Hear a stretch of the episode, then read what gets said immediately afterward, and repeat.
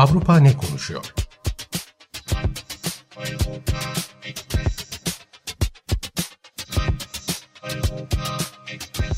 Avrupa medyasından yorumlar.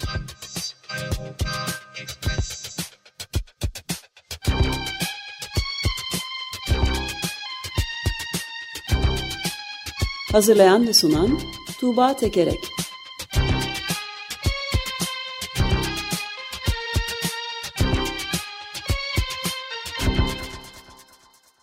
Merhaba Tuğba, günaydın. Günaydın Özdeş. Ee, bu hafta Ömer Madra yok, Ferhat Kentel'le birlikte sunuyoruz Açık Gazete'yi. Günaydın Tuğba. Merhaba. Ee, günaydın Ferhat, hoş geldiniz siz de programa. Hep beraber hoş bulduk. Hoş bulduk. Evet, neyle başlıyoruz? Ee, neyle başlıyoruz? Macron e, Avrupa'nın e, bu savunma Ukrayna meselesi kuyusuna bir taş attı. E, onunla e, başlıyoruz. Çaktırmadan deli mi diyoruz? Yani deli mi demiyoruz ama hakikaten böyle kuyuya bir taş atıldı e, ve e, birkaç gündür siyaseti, Evet. medyası, kamuoyu e, bunu tartışıyor. Avrupa'nın dört bir yanından tepkiler geldi. Tabii E, at, şöyle bir, bir böyle ta- taş atmak diyoruz ama neredeyse bütün neredeyse bir dünya savaşına sebep olabilecek bir gelişme yani. evet Çok evet da büyük evet bir evet bir yani. yanda bir yandan e, o açıdan hani çılgınca diyebileceğimiz Evet, gayet evet. radikal e, diyebileceğimiz bir şey. Nedir bu? E, pazartesi günü e, Paris'te Ukrayna'ya destek konulu bir konferans vardı. E, bunun kapanış konuşmasında Macron Ukrayna'ya e, asker göndermenin de ihtimal dışı olmadığını, hani gelişmelerin öyle bir noktaya gelebileceğini ve o noktada da asker göndermenin de değerlendirilebileceğini, bunun da meşru olabileceğini söyledi. Ve Rusya'nın bu savaşı kazanmaması için ne gerekiyorsa e, yapacağız ifadesini e, kullandı.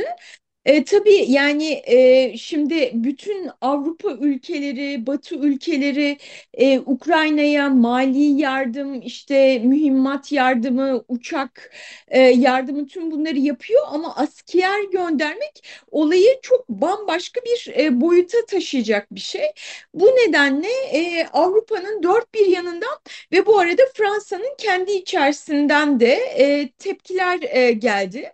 E, e, Fransa'nın içinden e, işte muhalif e, siyasetçi Marine Le Pen dedi ki hani Macron bu savaşta liderliğe oynuyor ama mevzu bahis ettiği bizim gençlerimizin hayatı acaba bunun farkında mı dedi. Öte yandan Almanya, Amerika Birleşik Devletleri, İngiltere'den de hani bunun söz konusu olmadığına e, dair e, açıklamalar e, yapıldı.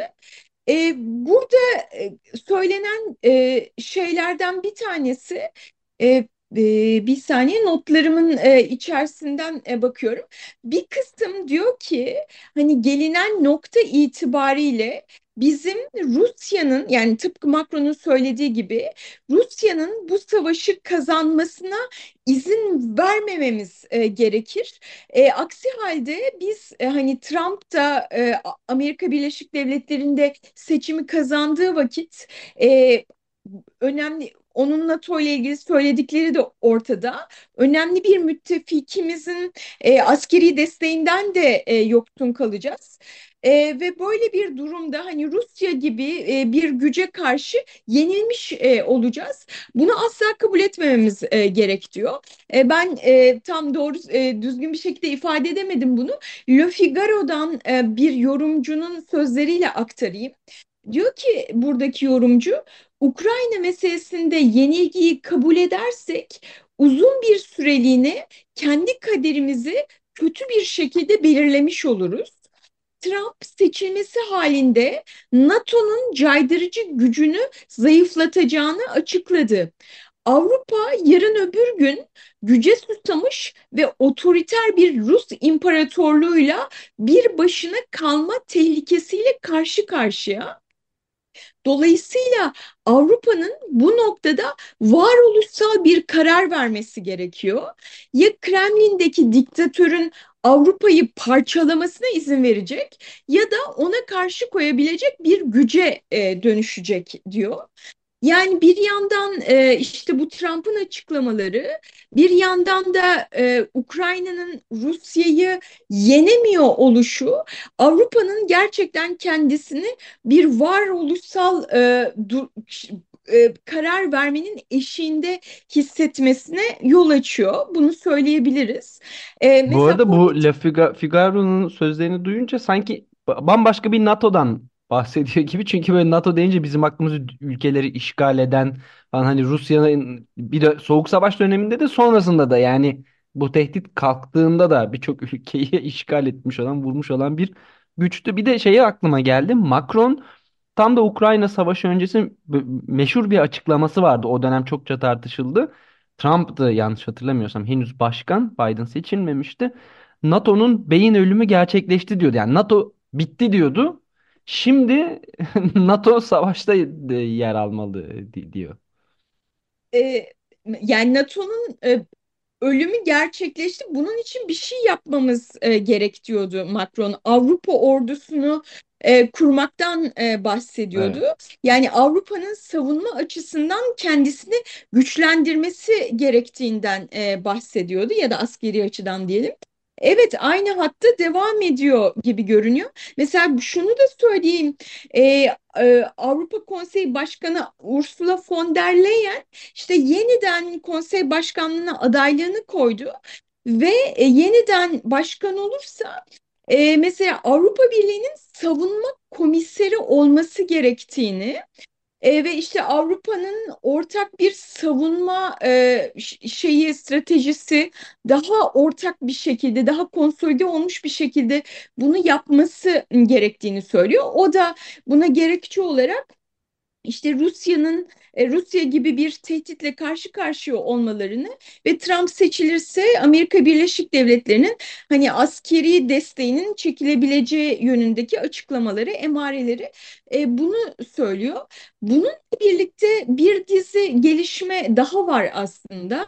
E, örneğin İspanya'da yaşamakta olan e, Rus firari askeri pilot Maxim Kuzminov öldürüldü geçtiğimiz haftalarda.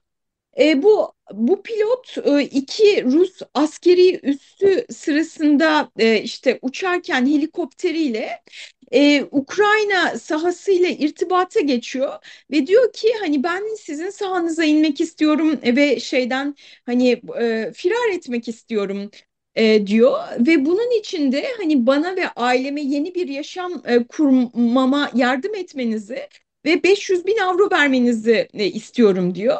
Ve bu kabul ediyor. iniyor Ukrayna'ya helikopterle.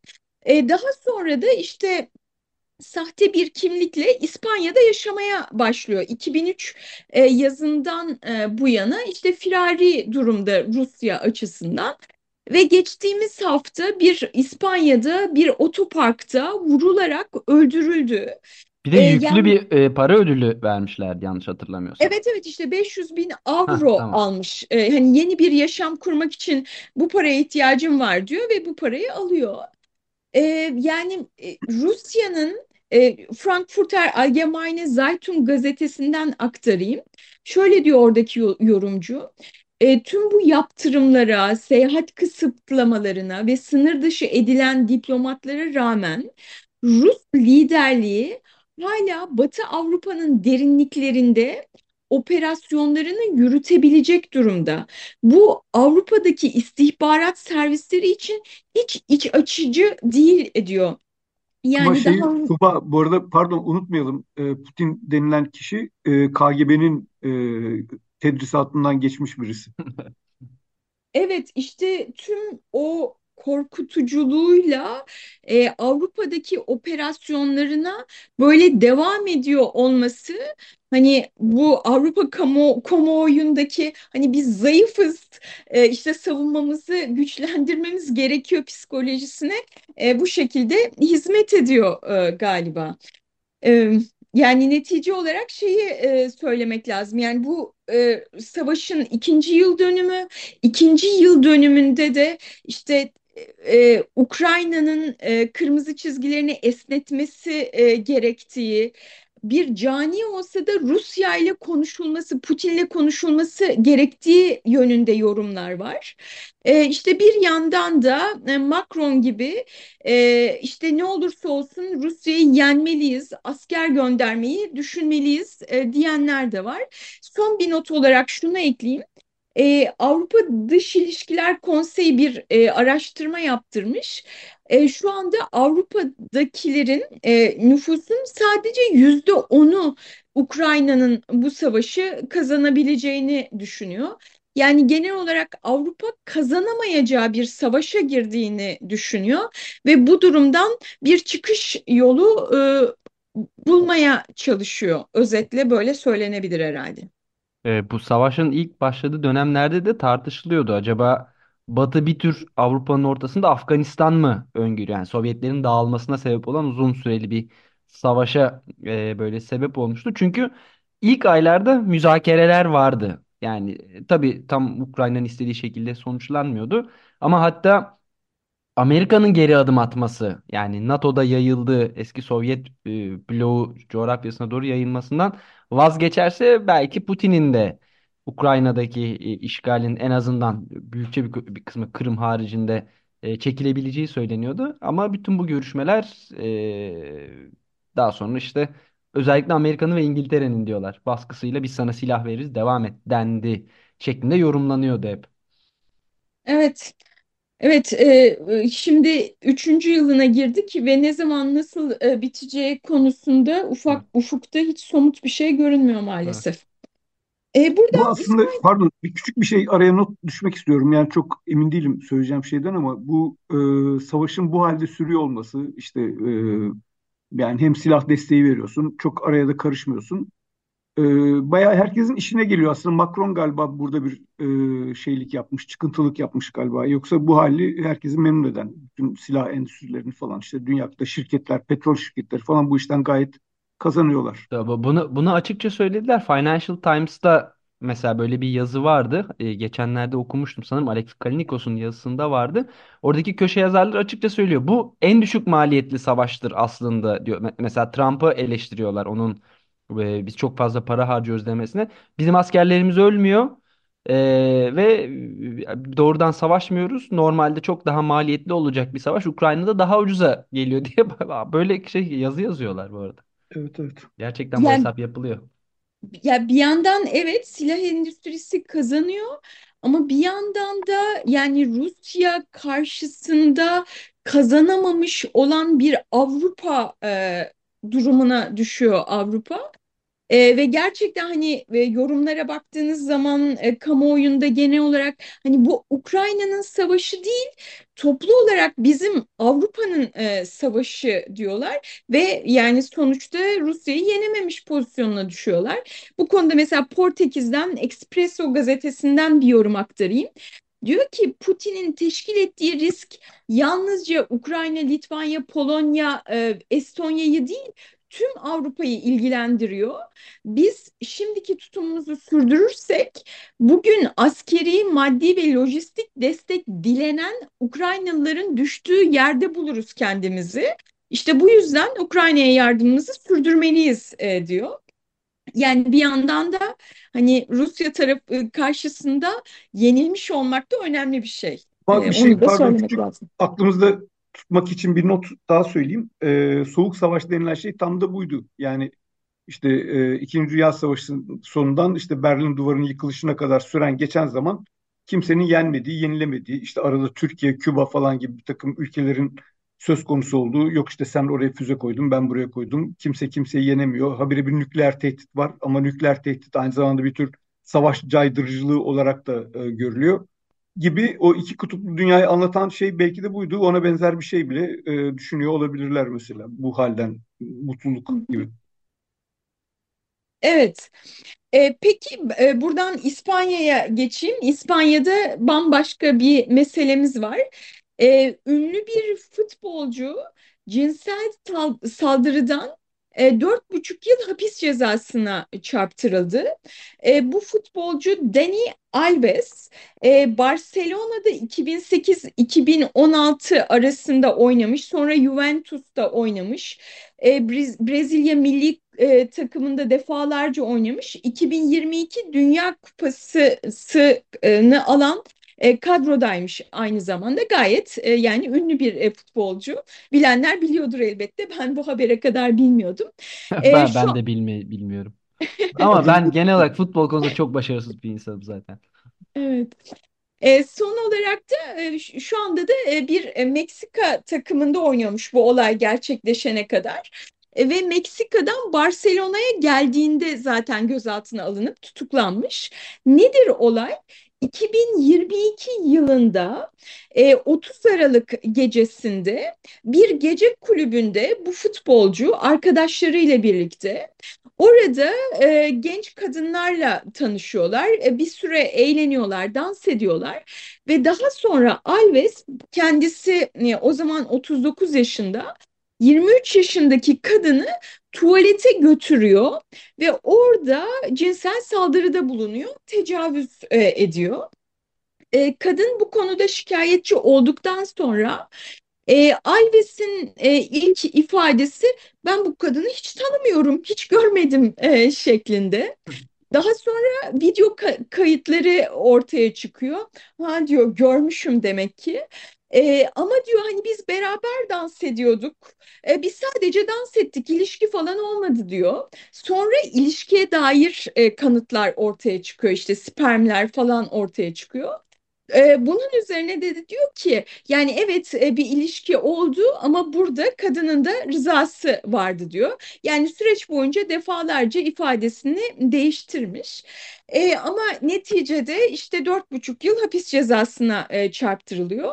Bu hapis cezasının yani bu mahkeme kararının bir önemi var. Ee, İspanya'da 2022 yılında geçirilmiş bir yasa var.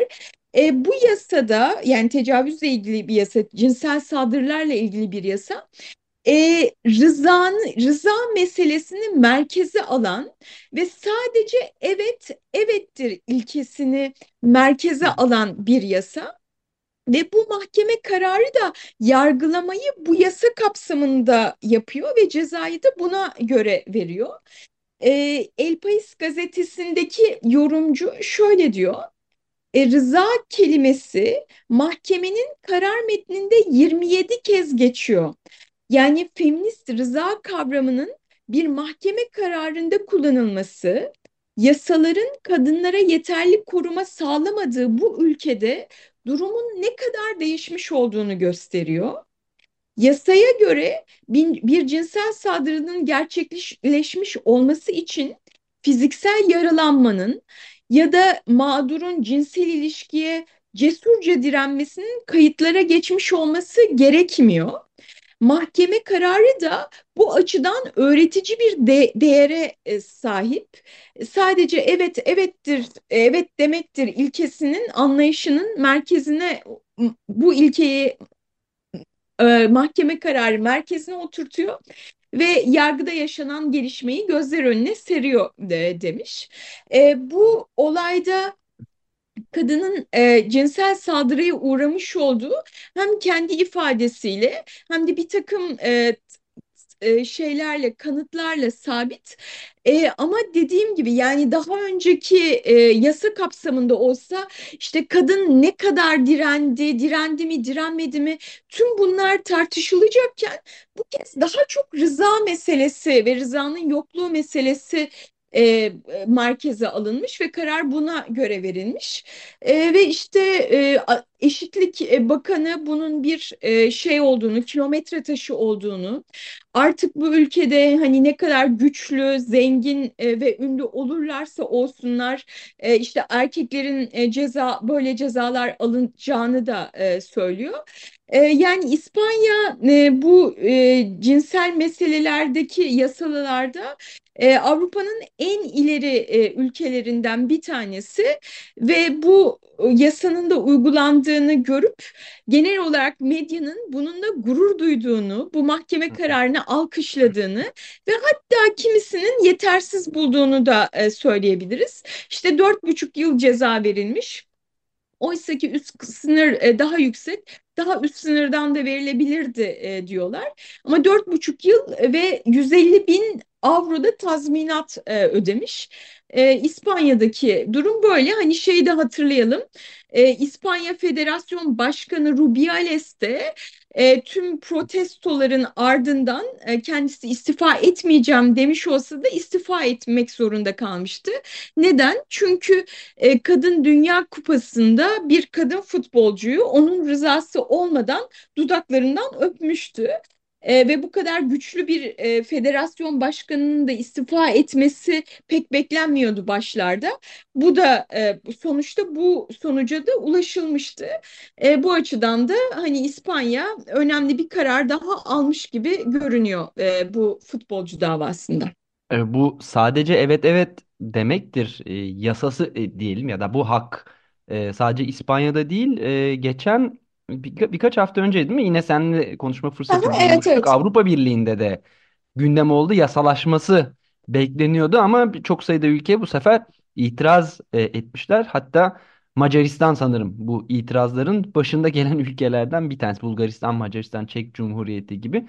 E, 11 ülke sıcak baktığını bu tarz bir düzenlemeye e, söylemiş. 14 üye ülke rızaya dayalı tanımı engellemiş e, o dönem. Yani birkaç hafta. Evet, evet, evet. E, ve son olarak kalan birkaç dakikamızda e, Macaristan'da olan bir olaydan e, bahsedeyim. E, Cumhurbaşkanı'nın ve Adalet Bakanı'nın istifa etmesiyle sonuçlanan e, bir olay bu. E, geçen yıl Nisan ayında Macaristan'a Papa'nın ziyareti sırasında Cumhurbaşkanı bir grup mahkumu e, affetmiş. Bu affedilenlerin kim olduğu konusunda o dönemde ayrıntılı bir açıklama yapılmamış. Ama şimdi bir gazeteci ortaya çıkarıyor ki e, bu affedilenler arasında bir çocuk yurdunda çocukların istismarı olayına karışan, bu işin örtbas edilmesini sağlayan e, ve bunun için mahkum edilmiş kişi de affedilmiş. Bunun üzerine e, Macaristan'da çok ciddi protestolar oluyor. Budapeşte de 50 bin kişinin katıldığı bir protesto gösterisi düzenleniyor. Çünkü hani çocuk istismarı dendiğinde e, işte herkes e, ayağa kalkıyor ve bu protestolar sonucunda Orban hükümeti 14 yıldır iktidarda 14 yıllık iktidarında ilk kez bu kadar sert bir tepkiyle karşılaşıyor ve ilk kez bu kadar güçlü bir şekilde iktidarı sarsılıyor. E işte bu süreçte e, Cumhurbaşkanı Novak ki o da Orban'a yakın bir isim ve daha önce Orban hükümetinde Aile Bakanlığı yapmış bir isim. Ve bu af kararını onaylayan Adalet Bakanı e, istifa etmek e, zorunda kalıyor.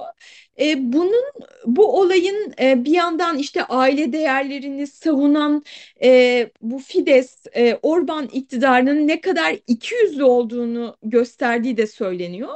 Bu affedilen kişinin e, iktidardaki partiyle işte yakın ilişkileri olduğu ve bu ilişkiler dolayısıyla e, af affın gerçekleştiği e, ifade ediliyor e, işte Orban ciddi bir tepkiyle karşı karşıya kaldı. Bunun Avrupa Parlamentosu seçimlerinde e, bir takım e, sonuçları olabileceği, hani zaten yeni seçildi kendisi ve yani e, Adalet Bakanı'nın istifa etmiş olması önemli olsa da şimdilik e, yani bir hükümet e, şeysi o kadar da sarsılmadı. E, ama Avrupa Parlamentosu seçimlerinde oy oranının düşmesi bekleniyor. Orban da buna karşı işte biz yasaları daha da güçlendireceğiz. Ee, çocuk istismarcıların affedilmesini kesinlikle engelleyecek yasalar çıkartacağız e, işte çocuk yurtlarına atanan kişilerin e, kim oldukları konusunda daha sıkı denetimler yapacağız şeklinde bir açıklama yaptı. Yani Macaristan'ın sağ muhafazakar hükümeti de böyle ciddi bir sarsıntı atlattı e, Şubat ayında. E, peki şimdi Böyle. Cumhurbaşkanlığı seçimleri mi olacak? Nasıl orada Cumhurbaşkanı seçiliyordu? Ben hiç hatırlamıyorum. E, yani seçimlerin nasıl olduğunu ben de bilmiyorum ama evet önümüzdeki günlerde Cumhurbaş yeni bir cumhurbaşkanı seçilecek Macaristan'da. Tamam. Eskiden mesela Türkiye'de parlamento seçiyordu ya acaba öyle miydi? Yoksa bayağı seçime mi gidecekti? E, Neyse sanırım bakarız o zaman. evet evet parlamentonun seçeceğini tahmin ediyorum ama ben de emin değilim. O, o, o meseleye bakmadım. Tamam. İnceleyelim onu. Tamam. O Evet. zaman haftaya görüşürüz Tuğba. Evet görüşmek üzere hoşça kalın. Görüşmek üzere Tuğba. Hoşça kal.